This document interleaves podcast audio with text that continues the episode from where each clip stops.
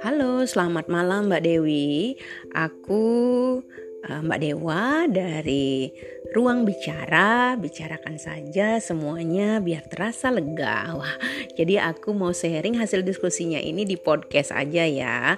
Kenapa? Biar nggak hilang dan bisa jadi uh, jejak-jejak uh, apa sih audio yang uh, berkesan dan bermakna tentunya ya. Uh, selamat malam sekali lagi Mbak Dewi. Semoga aku temui Mbak Dewi dan keluarga dalam keadaan sehat dan tentunya selalu terjaga kestabilan fisik, emosi dan psikologisnya. Oke Mbak, uh, aku mau sharingkan hasil diskusiku dengan teman. Uh, dia psikolog juga, sudah ber-STR. Kalau aku belum, dia sudah gitu ya. Uh, hanya saja kan aku bergeraknya memang di komunitas dan di level kebijakan gitu ya. Temanku ini memang uh, bergerak secara individual di teman-teman inklusi gitu ya. Nah, uh, dia namanya Ari uh, anaknya jauh lebih kecil dari aku tetapi uh, pengalaman dan pengetahuannya itu uh, mudah-mudahan bisa juga uh, memberi apa kecerahan gitu ya menjadi memberi pencerahan untuk uh, kita semua gitu ya. Kita sama-sama belajar di sini. Uh, jadi hasil diskusiku dengan Ari itu seperti ini mbak kemarin kita kan berbicara apa sih yang bisa dilakukan uh, untuk teman-teman di ruang mendengar gitu ya, khususnya uh, uh, untuk uh, anak yang sudah terfasilitasi uh, da dari alatnya gitu ya, alatnya alat bantu dengarnya mereka sudah terfasilitasi. Setelah itu apa nih yang perlu dilakukan? Kan seperti itu. Nah dari hasil diskusi dengan Mbak Ari uh, dia mengatakan um, dari beberapa kasus gitu yang memang sering dia temui, biasanya itu dibuat memang analisa kebutuhan dulu sesuai dengan usianya gitu ya. Kalau memang usia anak-anak uh, ataupun anak-anak ke atas gitu kalau remaja kan beda lagi ya Mbak. Biasanya remaja itu lebih kepada uh, kepercayaan dirinya, self esteemnya gitu, lebih kepada itu biasanya permasalahannya. Nah, kalau untuk anak-anak uh, itu biasanya ada yang namanya sontes namanya. Sontes itu adalah tes yang mengukur EQ. Jadi ini setelah terfasilitasi kan anak sudah mampu secara verbal otomatis walaupun uh, pemahaman frekuensi dengarnya kan Mbak Dewi yang tahu ya berapa desibel kah seperti itu ya. Nah, kalau memang anak sudah bisa secara verbal uh, silahnya sederhana gitu bahasa besar sederhana berarti kan sudah bisa dilakukan uh, apa asesmen gitu. Nah, asesmen di sini sih bermacam-macam, Mbak ya. Kalau di kita itu kan asesmen memang diawali dari wawancara, observasi sampai memang pelaksanaan tes-tes psikologi gitu. Nah, ada salah satu tes yang memang mengukur IQ untuk teman-teman uh, di uh, gitu ya, di itu namanya SONTES. SONTES ini uh, mengukur dia uh, intelektual gitu ya uh, lebih kepada kemampuan bicara anak gitu mungkin Mbak Dewi juga sudah pernah dengar sebelumnya ya mudah-mudahan sudah jadi bisa nyambung ini gitu ya uh, di sana juga ada pengukuran analisa berpikir, memori, sebegitu. Kalau sound test ini seperti tes WISC, Mbak. WISC di kami di psikologi itu memang tes untuk mengukur uh, intelektual gitu tapi intelektualnya itu ada intelektual yang uh, di dalam dan dibawa ke di, di luar gitu. Jadi ada laten dan yang terekspresikan keluar gitu.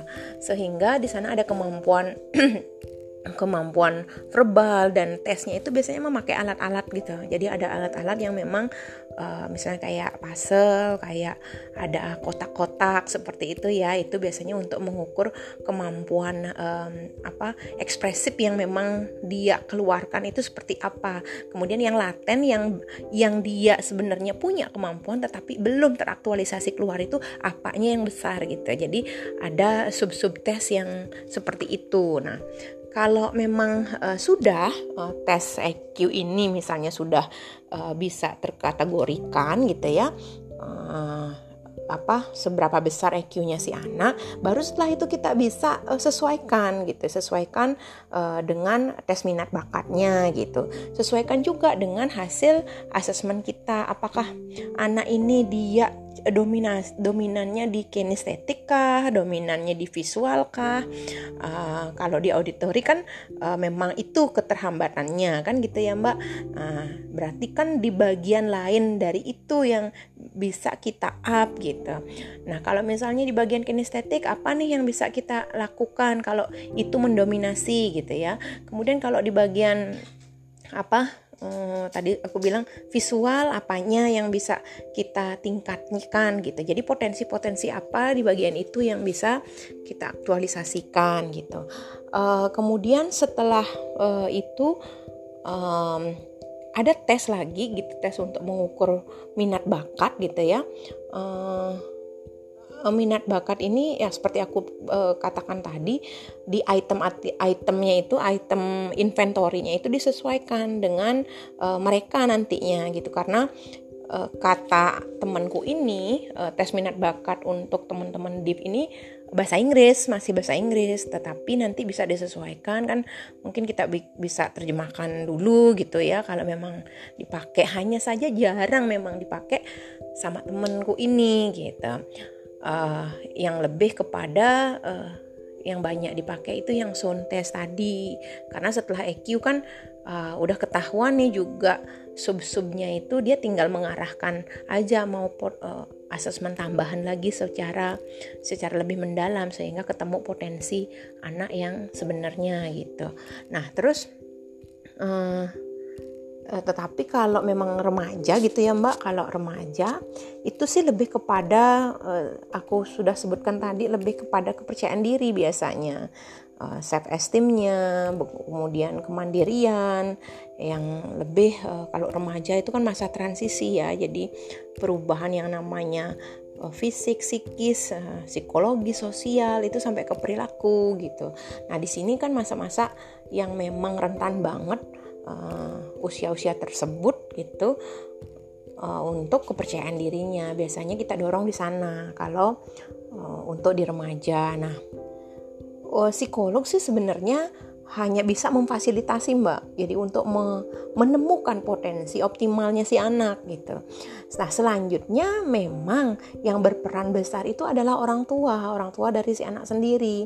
Yang bisa memang mengantarkan anak itu menjadi sukses mbak. Karena hanya sekian persen sih kalau psikolog menurutku gitu. Karena dari hasil asesmen dari hasil uh, tes psikologi udah ketemu potensinya udah tahu kecenderungannya begini. Nah yang akan mengarahkan sehari-harinya itu kan otomatis orang tua gitu. Orang tua yang bakal um, apa kita menemukan dan orang tua yang harus meng mengantarkan. Jadi kalau uh, bukan menjadi tim yang yang bagus dengan dengan anak uh, itu itu ya kesulitan biasanya di perjalanannya seperti itu. Karena yang namanya memfasilitasi anak sampai sukses itu kan ya butuh pengorbanan banyak sekali ya ya. Uh, pikiran waktu biaya otomatis itu. Seperti itu contohnya. Tetapi kalau uh, psikolog itu ya hanya memfasilitasi sih sampai menemukan itu aja. Apa sih oh ini anak uh, kecenderungannya begini nih gitu. Nanti kita arahkan ini gitu itu aja sih mbak yang bisa aku sharingkan gitu dari dari apa sih yang bisa kita lakukan kepada teman-teman di ruang mendengar gitu agar teman-teman juga bisa lebih uh, aware gitu ya terhadap uh, penting juga untuk uh, apa sih mengawal psikologis anak uh, dengan gangguan pendengaran ini gitu. Oke Mbak Dewi, semoga berkenan dan tidak kepanjangan dan betah mendengarkan uh, audioku ini. Jadi aku podcast kan. Selamat malam.